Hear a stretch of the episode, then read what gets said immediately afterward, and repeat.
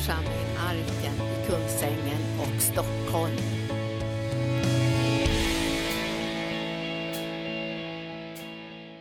Jag ska tala till dig ikväll om att allt är möjligt för den som tror. Allt är möjligt för den som tror. Och vi kan sjunga det, vi kan brodera det på väggen, vi kan tro på det. Och du vet, men det, det kan gå så långt så att till slut tror vi på att man ska tro. Så vi missar vad det är vi tror. För vi tror ju att man ska tro. Vi är helt överens om att man ska tro. Vi kan sjunga om det. Vi kan, vi kan ropa till Gud om att vi ska tro. Ge oss mer tro och vi tror, den tro vi får använder vi på att tro att vi ska tro. Du känner igen, sån är jag i alla fall. Ibland kommer jag in i sådana där riktiga träskmarker när jag liksom drar mig fram och tycker liksom, ja men jag är inte så dålig på att tro. Tänker jag på, men vad är det jag tror på? Här går jag liksom med gyttja till knäna och påstår att jag tror. Vad är det jag tror på? Jag måste ju titta på konsekvenserna i mitt liv av det jag tror. Och då har jag flera gånger konstaterat, ja men Stefan du tror ju bara på att du ska tro. Och då tror du att du tror. Eller hur? Och så blir det en bekännelse, men jag tror. Jag är en troende. Jag tror, väck mig mitt i natten så tror jag. För jag vet ju att man ska tro. Men det jag tror är inte på Guds löften utan det är på att jag ska tro på Guds löften. Så jag kommer aldrig fram till löftenas effekt i mitt liv. Känner du igen dig? Det är väldigt lätt att hamna där. Så att det ska jag predika om här ikväll. För jag tror att det är väldigt viktigt. Och när jag läser i Bibeln då, så inser jag att egentligen har vi inte jättemycket problem i livet. Om vi trodde på rätt saker. Därför att det finns kraft i tron. Varför står jag med en whiteboardpenna och viftar? Man gör så mycket. Det är som att tro på fel saker, vifta med fel saker. Vet du det? Som inte har något med det vi ska göra. Så vad, vad är det varför är det så lätt att tro utan att det är någon kraft i tron? Det är som det står i Bibeln att mycket förmår en rättfärdig mans bön när den beds med kraft. När den beds med kraft. Man kan be på olika sätt tydligen. Man kan tro på olika sätt tydligen. Man kan agera på olika sätt tydligen. Och Det är ju det här vi måste komma bort ifrån. Därför att vi befinner oss i ett krig. Det är ett krig om din själ, det är ett krig om ditt liv, det är ett krig på andra människors liv. Vi ser ju offret vi tror på. Ikväll har vi vunnit en stor seger. Vi har samlat in medel till att förändra och expandera Guds rike. Det har vi gjort. Vi har segrat ikväll på det området. Och det här kan vi leva i varje dag. Jag menar inte bara att du ska ge offer varje dag. Du måste lära dig att ta emot välsignelsen också varje dag på det du har gjort idag. För det är lika stor troshandling att ta emot som det är att ge. Det var också en sån här sak jag fick kämpa med i livet. Nej, men nej, jag behöver inget. Nej, nej, nej, jag ska inget ha. Nej, nej, inte jag. Nej, ja, nej, oh, nej, ja, nej, nej, behåll det. Vet du vad? Gud sa till mig, Stefan, när du tackar nej till vad andra vill ge dig, då hindrar du din egna välsignelse och deras. För jag hade tänkt att de skulle få ge och så och skörda, men du tog inte emot det. Så att på något sätt så finns det en större bild av vad Gud vill göra i våra liv med att ge och skörda än bara lilla jag och mitt lilla egoistiska plånbok. Det handlar inte bara om hur det ser ut i min plånbok. Det handlar om vilken del jag spelar i hur Gud kan välsigna andra när de får ge. Och han kanske har bestämt att jag för den personen är god jord. Han kanske har bestämt att du ska låta den här personen ge in i Stefan här och det kommer vara en god jord som välsignar tillbaka när de gör det i tro. Och då står jag där och stänger till hela himmelens fönster om det där tar jag inte emot. Stoppa inga frön här inte. Jag behöver inget. Jag behöver inget, men de behöver. Och jag får vara ett medel i att förlösa en välsignelse genom att ta emot det de ska ge. Så vi, vi är ibland så långt ifrån vad Gud har tänkt om våra liv. Och då konstaterar jag att Gud, han är inte ute efter att, att hjälpa dig längre egentligen. Han är ute efter att du ska tro på de löften han har gett dig. För när du tror på de löften han har gett dig så blir du hjälpt. Gud är inte ute efter att rädda dig när du i otro gör dumma saker. Han vill att du ska tro på hans ord och det han har sagt. Så att det kan välsigna dig i din situation som du befinner dig i. Så att Gud hjälper dig genom de löften han har gett dig. Det är löftena det finns kraft i. På samma sätt som att Jesus inte frälser någon längre idag. Och det kan man ju bli upprörd över att tänka på. Vet du vad? Han gjorde det för 2000 år sedan. Om vi tror på det idag så kan vi ta emot det. Han botar ingen idag. Han botar inte en fluga idag. Han har slutat med det. Han gjorde det för 2000 år sedan. Om vi tror på det idag så kan vi ta emot vårt helande idag. Han har fullbordat allt detta. Och för att hjälpa dig och mig att få del av det han har gjort så har han knutit löften till det han har gjort. Och de löftena har vi i en bok som heter Bibeln. Och när vi läser de löftena och får tro på Gud så blir de verkliga. Ja, ja, man gör lite undersökningar och sånt där och googlar det mesta. Vet du vad, det finns 3573 löften i Bibeln. 3573 löften. Och det är ju väldigt många som Gud skulle bryta på en gång om han inte höll sitt ord, eller hur? Jag kan bryta ett löfte och det är illa, tycker folk. Men Gud har gett 3573 löften som han skulle bryta om han var en lögnare om han inte stod vid sitt ord. Då är det inte ett löfte till dig, det är 3573. Och det intressanta är att de här löftena, det första löftet, det ger han i första Mosebok tredje kapitlet. Det är löftet när han lovar att frälsa dig. När han säger jag ska sätta fiendskap mellan dig och kvinnan och mellan din avkomma och hennes avkomma. Han ska krossa ditt huvud och du ska hugga honom i hälen. Han lovade Jesus din frälsning. Det första löftet i Bibeln. Och det tror vi på. Så det första löfte Gud ger, det har vi bestämt att det är sant. Det tror vi på. Åh, jag är frälst, halleluja, jag är frälst och det är nåd och jag är förlåten och inget kan rycka mig ur hans hand. Det är bara ett av hans 3573 löften. Förstår du vilken betydelse bara det enda löftet har i ditt liv.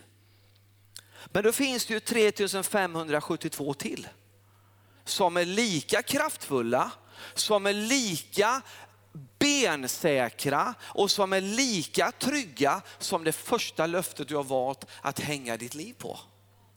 Och hänga hela evigheten på den kroken.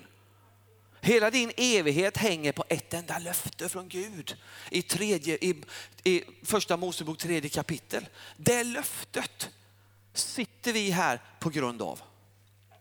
Det var hans första löfte. Det sista löftet, det ger han i uppenbarelseboken. Och där står det 22.20, se jag kommer snart. Det sista löftet han ger. Visst är det härligt? Men det innebär om det första löftet då i, i, i första Mosebok 3 och det sista löftet i, i Johannes uppenbarelse 22.20, se jag kommer snart. Och de här två löftena, de lever vi av. Jag är frälst och han kommer snart åter. Det är ju våra favoritlöften. Men de andra 3571 löftena, vad gör vi med dem? Visst är det intressant? Att två löften i Bibeln är det vi bygger hela vår tro på. Han kommer snart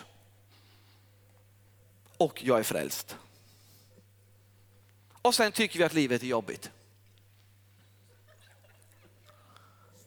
För vi orkar inte med att ta reda på, de är ju så många. Så liksom, och sen har allihopa fått sitt amen i Jesus. Och ja, det, och sen blir livet ett resultat av dessa, ja det är så mycket löften så det blir krångligt. Eller hur? Det är så vi agerar. Det är så vi agerar. Dessa jobbiga löften, är det till löfte jag ska hitta någon? Han har säkert gömt dem för mig. Nej, de står i de där pärmarna. Och då är det löften, då är det löften som berör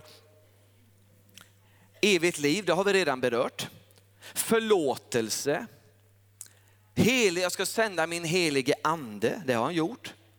Pengar, finanser. Det finns, ett löf, finns många löften om pengar och finanser som är lika bergsäkra, lika trygga och lika oh, alltså de, de, de kan inte misslyckas.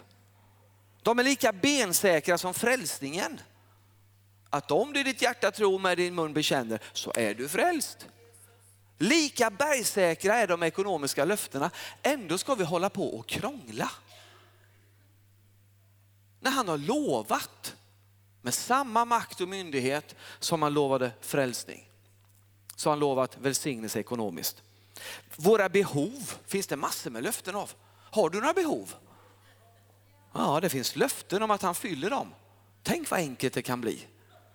Tur att du gick på möte ikväll. Det finns löften om att han fyller dina behov. Skriv ner det. Det är bra att veta. Sen så kan vi se, det finns löften om helande. Löften som är lika bergsäkra som att Jesus tog dina synder på korset, dog och uppstod, lever idag och snart kommer tillbaka. Det finns i den här boken. Det finns löften om visdom och ledning. Ja, jag vet inte. Ja, det finns ett löfte som kan hjälpa dig när du inte vet. Det står att du kan utbe dig om visdom. Det är ett löfte.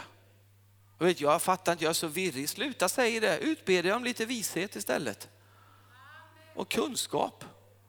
Det finns, det finns löften om barn, barnbarn, familj, äktenskap. Vad har vi för problem när Gud har satt sina löften till allt detta? Så Gud är inte ute för att hjälpa dig. Han har gett dig all hjälp genom sina löften. Och det är upp till dig att plocka tag i dem ett och ett och börja aktivera dem i ditt liv. Börja tro på dem, börja tacka honom för dem och börja se dem bli en verklighet. Vi kan fortsätta.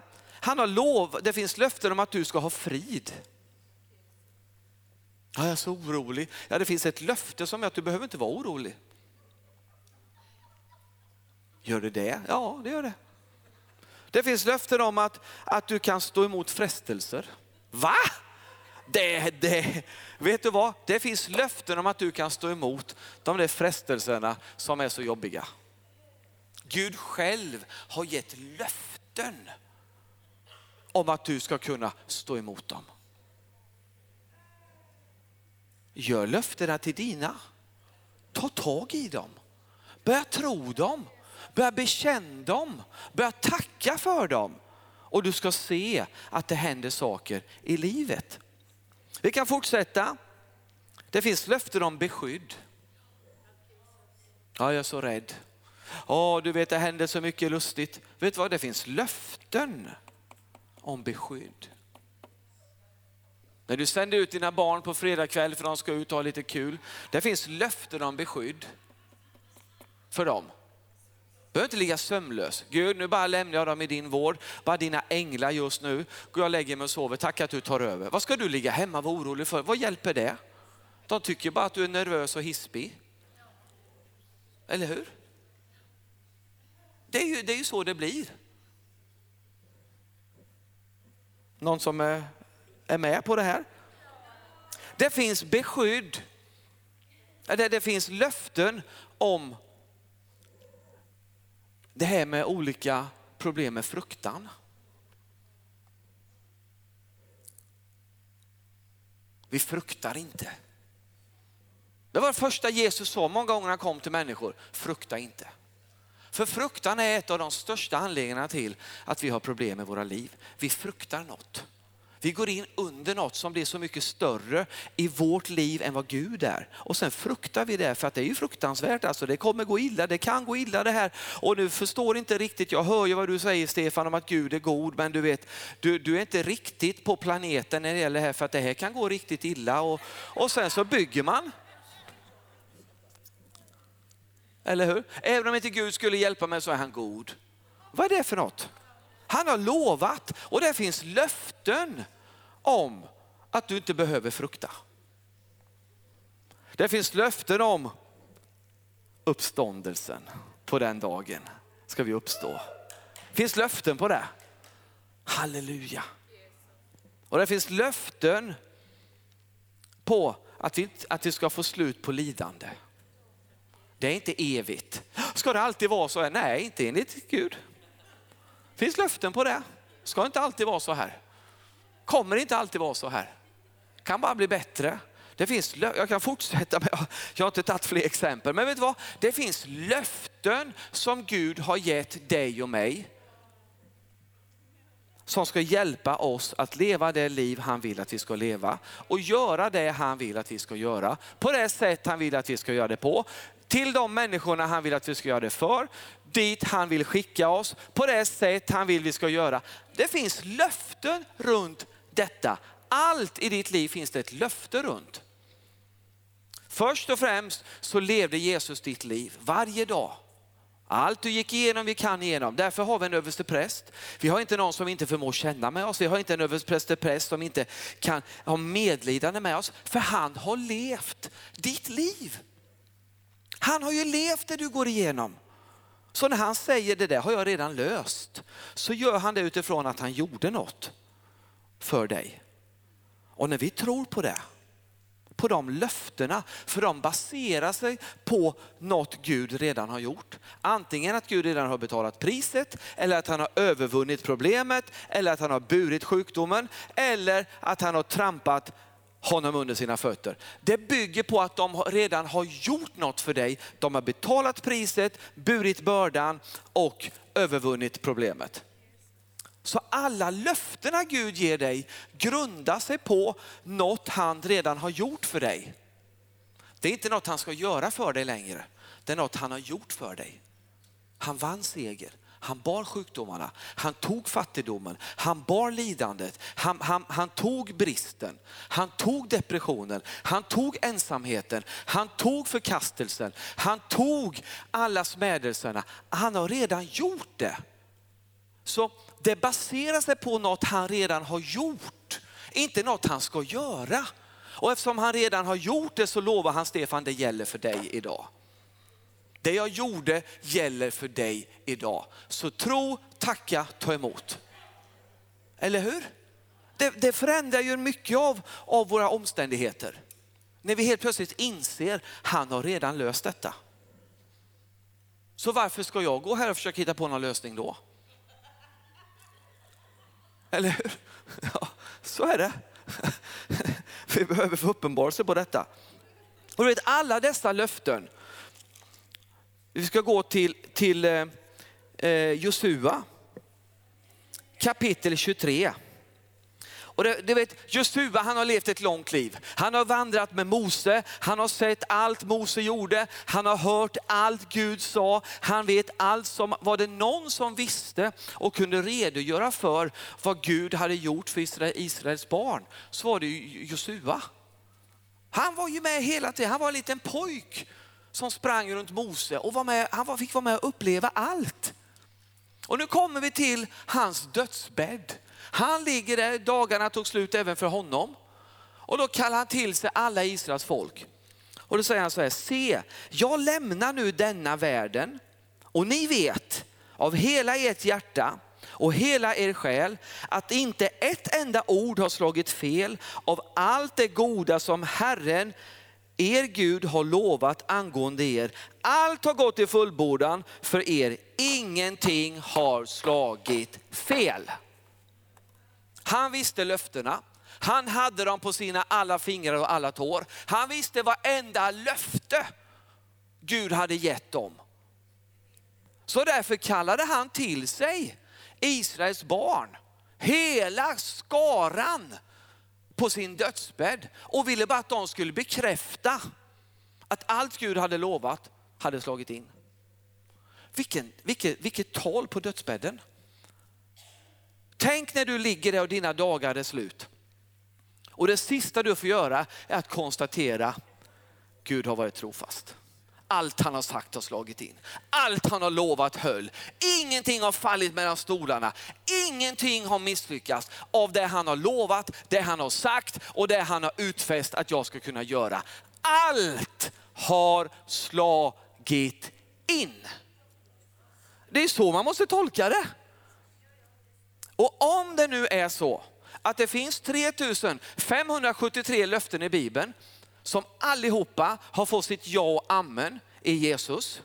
De är bekräftade, de är undertecknade, de är signerade med hans blod. De är för evigt och de gäller dig och ditt liv.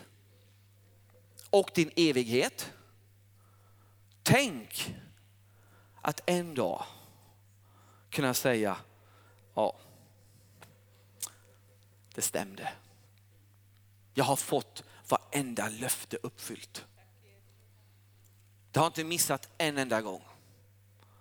Och ni som är här, ni vet det. Ni, ni, ni, ni vet att det är så. Ingenting av det Gud har lovat mig har gått fel. Jag har gjort massa fel, men allt han lovade mig har slagit in. Allt blev så som han sa. Och vet, I våra trosammanhang när vi predikar tro ibland så kommer vi ifrån detta. Vi kommer ju ha våra favoritlöften, vi kan liksom rabbla baklänges. Men Gud har inte bett oss rabbla dem baklänges. Han har bett oss tro på dem, leva dem och producera något liv med dem.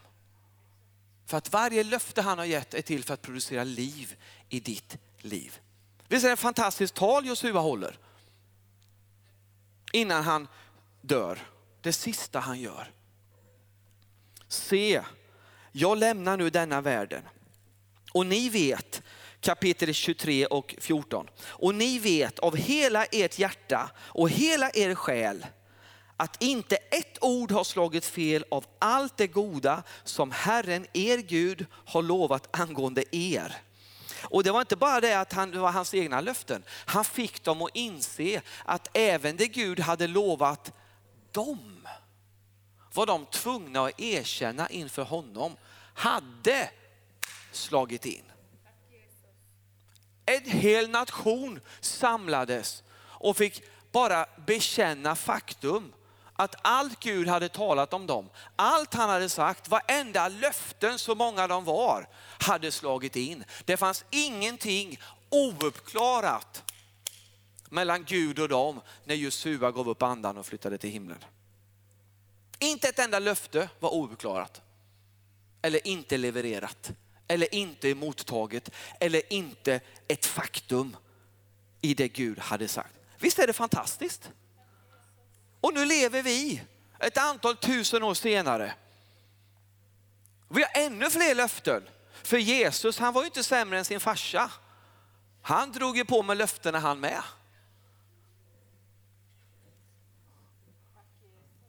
Min fader har sänt mig och nu är jag här och jag lovar er och jag lovar er och sen lovar jag er och jag lovar er och jag lovar er och jag kommer skriva under varenda löfte med mitt eget blod och det kommer gälla in i evigheten och det lovar jag er. Allt, han fortsatte. Det är det vi lever i idag.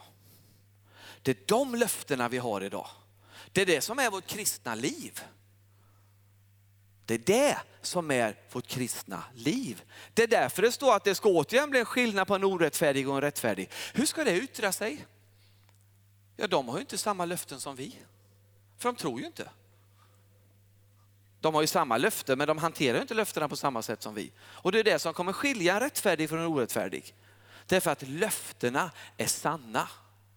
Löftena är riktiga. Löftena har fått sitt ja och amen. Vi behöver liksom inte kolla om de stämmer.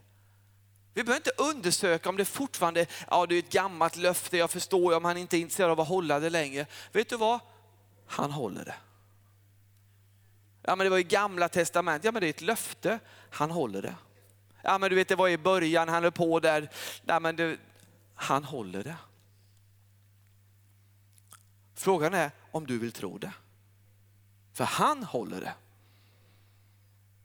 Frågan är, är du beredd att ändra på ditt sinne, ändra på din fokus, ändra på din prioritet i livet, ändra på ditt sätt att tänka och agera och vara och börja ta löftena på riktigt.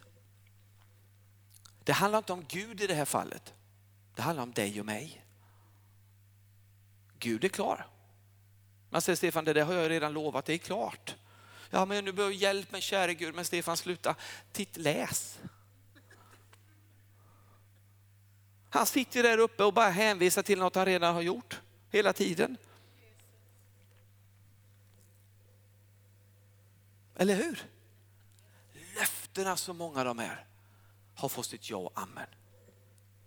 Så att, ja wow. Jag tycker det är fascinerande. Det med just hur jag tycker jag är fascinerande. Så vad har Gud sagt i ditt liv? Vad har Gud sagt till dig? Vad har han sagt om ditt liv? Vad har han sagt? Vad har han sagt överhuvudtaget? Har han sagt något? Ja, han har, han har gett 3573 löften i alla fall, så mycket vet jag. Det är en bra början. Och det är om ditt liv han har gjort det. Så han har ju sagt något. Så frågan måste ju om, om, eh, eh, göras om på något sätt. Vad har du hört av allt det han har sagt om ditt liv? Vad har du, vad tror du på allt det han har liksom gett dig? Har du tagit emot det? Precis som sa det här med gåvan. Det handlar liksom inte bara om att ge, det måste finnas någon som tar emot också. För att det ska bli sådd och skörd. Så det Gud har gett dig, det här profet, löftena. Det, Gud han är densamme igår. Ni två kom, er church kom här, kom kom. Ni två, ja kom här, kom här. Lennart, du ställer dig där. Dennis, du står där.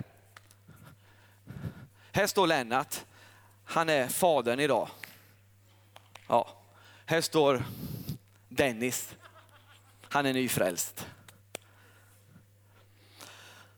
Och här borta har vi allt som har hänt, allt som vi läser om, alla tidsperioder. Och sen är det fram till 2017 och här står Dennis. Ja, så hör han Gud tala. Dennis, du är botad.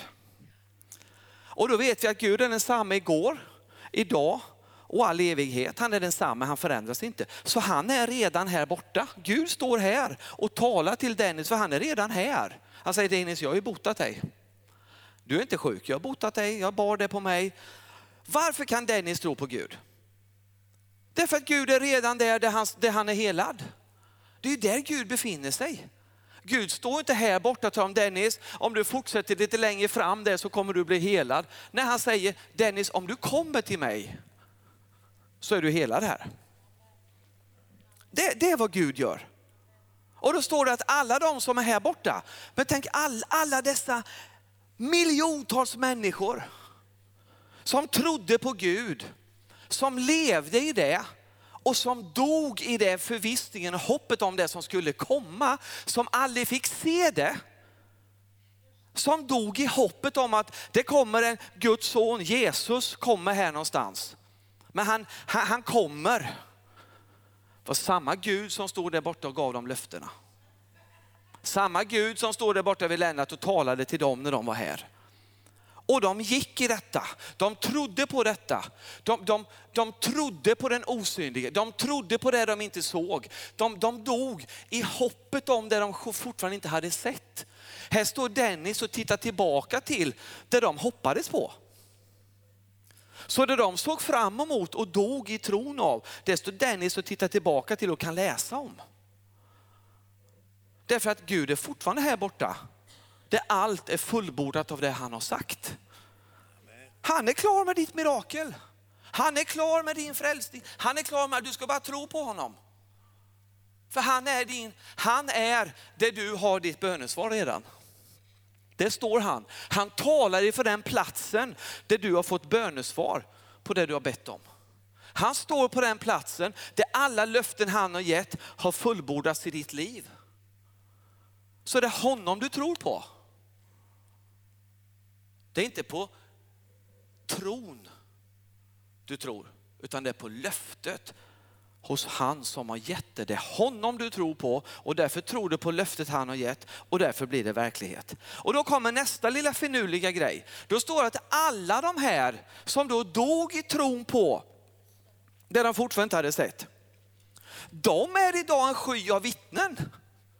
De sitter och tittar på och ser vad Dennis gör med det de dog för. Som han nu vet är verklighet i hans liv. Så nu, nu, nu, nu omger de Dennis här som en sky, en stor sky av vittnen. Och bara vänta Dennis, vad står du still? Varför gör du? Men fattar du ingenting? För att de dog i det de hoppades på och undrar varför han är så slö och tråkig när han kan se tillbaka till och se hur det var som hände och hur det blev. Han kan ju läsa om deras liv. Och det fantastiska var att även de som dog martyrdöden vann seger. De vann seger. De som övervann fienden på ett fantastiskt sätt, de vann också seger. Men de dog alla i hoppet på det som de inte hade sett. Vi står och lever i den tiden vi kan se tillbaka till det de inte visste, det de inte såg. Vi har sett hur Jesus föddes. Vi, vi, förstår hur han dog och uppstod. Vi vet att den helige ande kom. Vi vet att vi lever i den yttersta tiden. Vi vet att vi har fått allt det som de aldrig fick men som de dog för. Och dog i hoppet om. Och alla de är med oss här ikväll. Och omger oss som en sky av vittnen. Därför att Gud har bestämt att de ska få sin belöning samtidigt med oss. De är inte framme än. De är hos Dennis. De väntar fortfarande på den totala slutgiltiga mållinjen. För det står att Gud har bestämt om dem att de ska få sin belöning först tillsammans med oss. Förstår du hur allvarligt det är det här med tro? Förstår du hur allvarligt det är det här med löften? Människor dog på grund av de löftena. De dog i de löftena om uppståndelse, om att Gud skulle sända sin son, om att det återigen skulle bli en skillnad, om att Gud skulle, den andra härligheten skulle bli större än för den första. De dog i allt detta. Och det lever vi i du och jag. Men de omger oss. Därför att det de levde, det de gjorde, väntar fortfarande på att få sin upplösning. Men först tillsammans med oss. Fattar du hur viktigt det är det här med löften? Hur viktigt det här är med tro? Det handlar inte om dig bara. Det handlar om vad Gud har sagt, vad Gud har gjort, vad Gud har kallat dig att göra. Samma som han kallade dem, samma sätt som han välsignade dem, på samma sätt som han sände dem. Så han kallat dig, välsignat dig och sänt dig. Och han har gett dig löften som håller. Visst är det fantastiskt? Visst är det enormt? Så återigen, vad har Gud sagt om dig? Vad har Gud sagt i ditt liv? Vad har han gjort i ditt liv? Du är med i en församling, en fantastisk församling, Arken. Vad har Gud lovat den här församlingen? Vad är det du står i? Vad är det du befinner dig i? Vi står inför den största upplösningen i historien. Vi ska se väckelse drabba våra städer, väckelse drabba vårt land, väckelse drabba Skandinavien, väckelse drabba den här jordgloben. Och du står mitt i det, i en väckelseförsamling som är redo att ta emot dem som Gud vill rädda. Det är den du är. Det är det Gud har sagt om dig. Det är exakt den han har skapat dig att vara. För hade du inte varit ämnad för det, då hade du levt på 1600-talet kanske. Inte nu. Därför att Gud gör inga misstag. Du är den bästa av de bästa av de bästa för att leva idag 2017. Men du måste åtminstone tro på det. Annars är det ju ett misstag. Du är inget misstag. Halleluja. Om du inte är ett misstag så är du en fullträff. Om du är en fullträff, då innebär det något. Gud har en plan för dig som du ska kliva in i, som du ska verkställa. Han har redan gjort det, han har lovat det, han har betalat för det, han har stadfäst det, det har fått sitt ja och amen. Och nu sitter vi här och kan välja vad vi vill göra med det. Och när vi ställer oss upp, ta tag i de här löftena, så stavas det väckelse. Då stavas det väckelse. Och då kommer vi få se saker. Jag är så full av detta. Jag, det är det enda jag kan tänka på. Och, och, och jag, jag, fattar inte, alltså, det är smittsamt. Vet du vad? Det är smittsamt när man pratar så här. Och varje gång jag pratar så smittar jag mig själv ännu mer. Därför att det är så här det måste vara. Det är så här det är. Och vi ska se väckelse. Vi har nu talat, vi har vår lilla församling i Uppsala E-church. Och vi har liksom sagt att vi ska vara en sjukdomsfri församling, en sjukdomsfri zon. Först och främst ska vi vara en cancerfri zon.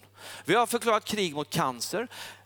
Vi ska vara en cancerfri zon. Och bara genom att man säger det så dyker det upp tio cancerfall. Som bekräftar att du absolut är ingen cancerfri zon om du trodde det. Men det spelar ingen roll, för vi går på vad Gud har lovat.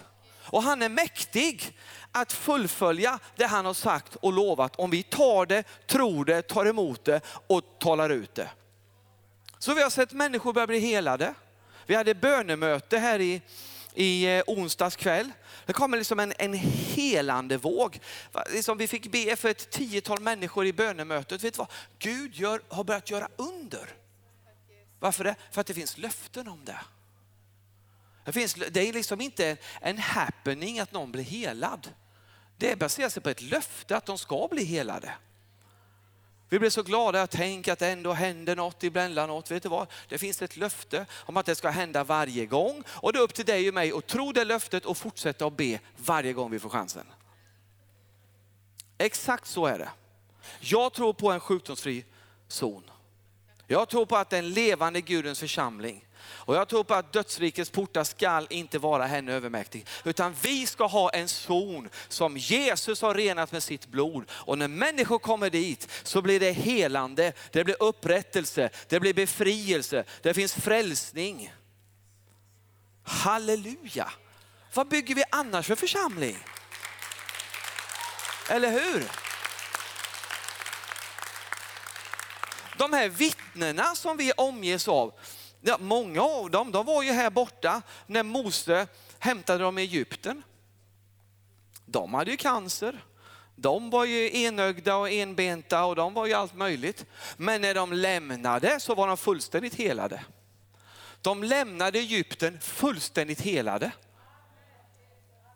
Så de har inget problem med att vi talar så här, att vi ska ha en sjukdomsfri eh, zon. För de, i 40 år levde de i en sjukdomsfri zon i öknen. Det var ingen som var sjuk, kläderna slets inte, maten var på bordet, allt var på plats. De levde ett enda stort mirakel så de tycker, varför har ni så svårt att bara tro? Det står att egyptierna skickade med dem sina rikedomar. Så när de, som slav, de var slavar här borta. De var slavar. Sjuka och halta och lytta och slavar och fattiga. Men morgonen när de lämnade så var de friska, fullständigt friska och de bar med sig Egyptens rikedomar. De har inga problem med att Gud förser.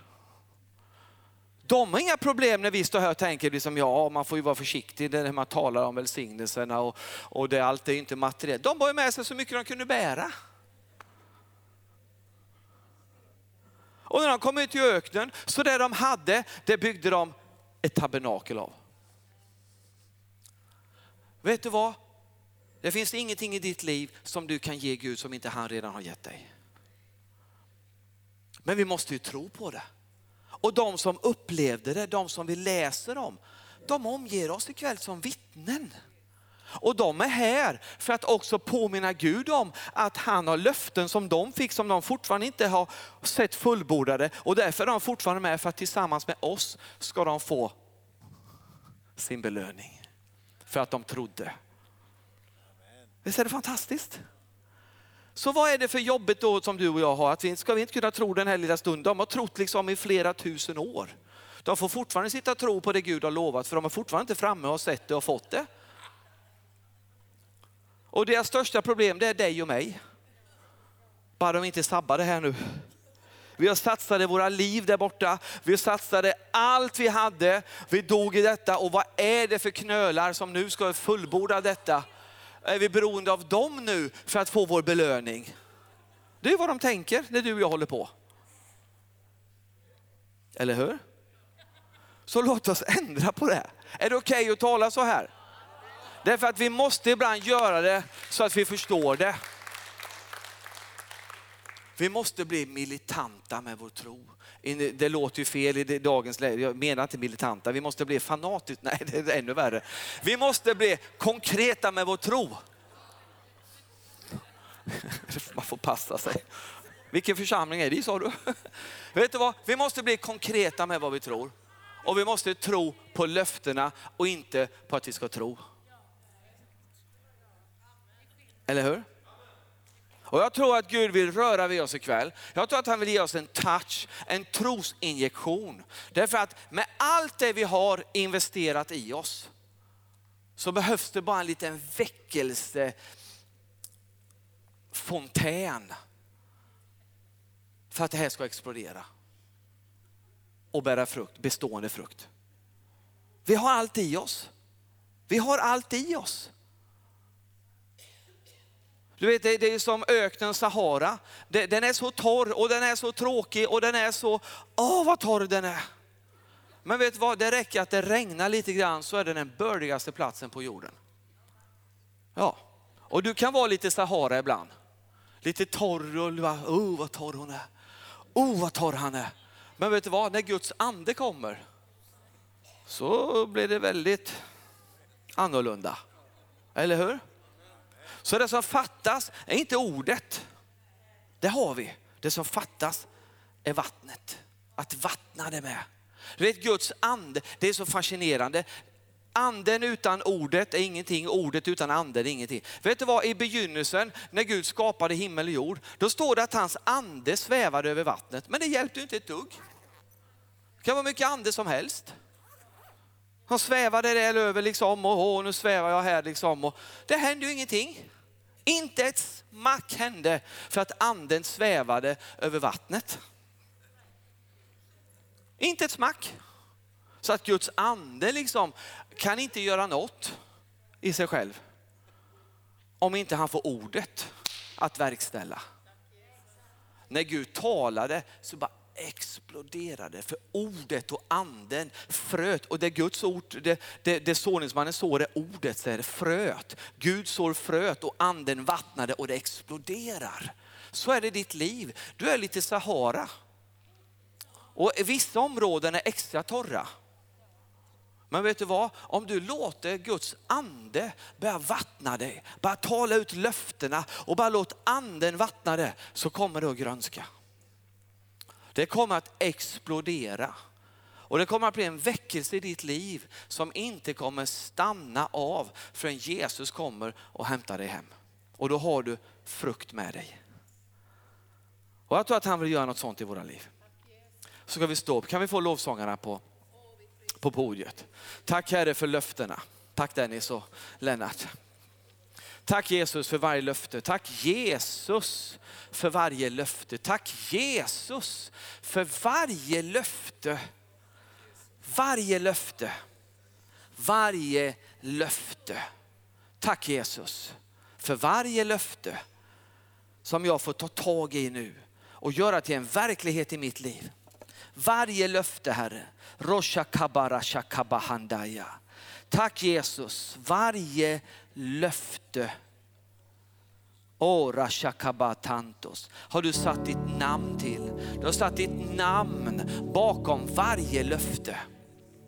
Och du kan inte ljuga, du kan inte bedra, du kan inte ångra dig. Har du lovat något så kan du inte ångra dig. För du är oförändrad, du är densamme igår när du gav löftena som idag och i all evig tid. Du är densamme Herre. Varje löfte har sedan fått sitt ja och amen genom din son Jesus. Därför Herre så tar vi till oss dem här ikväll. Och bara låter det bli en verklighet här på varje område. På varje område just nu. Hälsa, läkedom Herre, Rosha Kabara Santos. Åh min Gud, Damara Shikiri Alabathia Mantus. Helige Ande, bara låt det, låt det bara droppa, låt det bara droppa, låt det bara vattna våra hjärtans jord Herre. Bara, åh, ditt ord går in som ett frö Herre. Åh Herre, Herre, Herre, jag bara tar det. Finns någon här just nu? Du, har liksom, du tycker att det har gått, gått, kört fast i ekonomi. Vet du vad? Det kommer en, ett vårregn över din ekonomi. När du tar de här löftena om att han har lovat, någon specifikt här ikväll, du har tänkt de här orden, du har suttit och talat ut de här orden. Och Herren säger, pröva mig så ska du få se. Det finns hälsa här, det finns sjukdom här ikväll. Någon som är behäftad med, med sjukdom och ohälsa. Vet du vad? Ditt mirakel är så nära. Ditt mirakel är så nära. Han har burit det. Han har lovat att han har helat dig. Ora Ikväll kan du bli fullständigt helad. Ora Åh Herre, Herre, jag tackar dig Jesus att det är på riktigt. Åh, det är på riktigt Herre. Vi kan gå härifrån ikväll och vara fullständigt helade Fader. Åh min Gud, tack att vi kan vara upprättade Herre. I vår ande Herre, Roshakama, i våra relationer Herre. Ett ord från dig Jesus förändra allt. Och du har lovat, du har talat. Och därför tar vi emot det just nu Herre. Och vi gör det till sanningar i våra liv. Sanningar, inte bara kunskap. Vi gör det till sanningar Herre i våra liv. Jag tackar dig just nu Fader.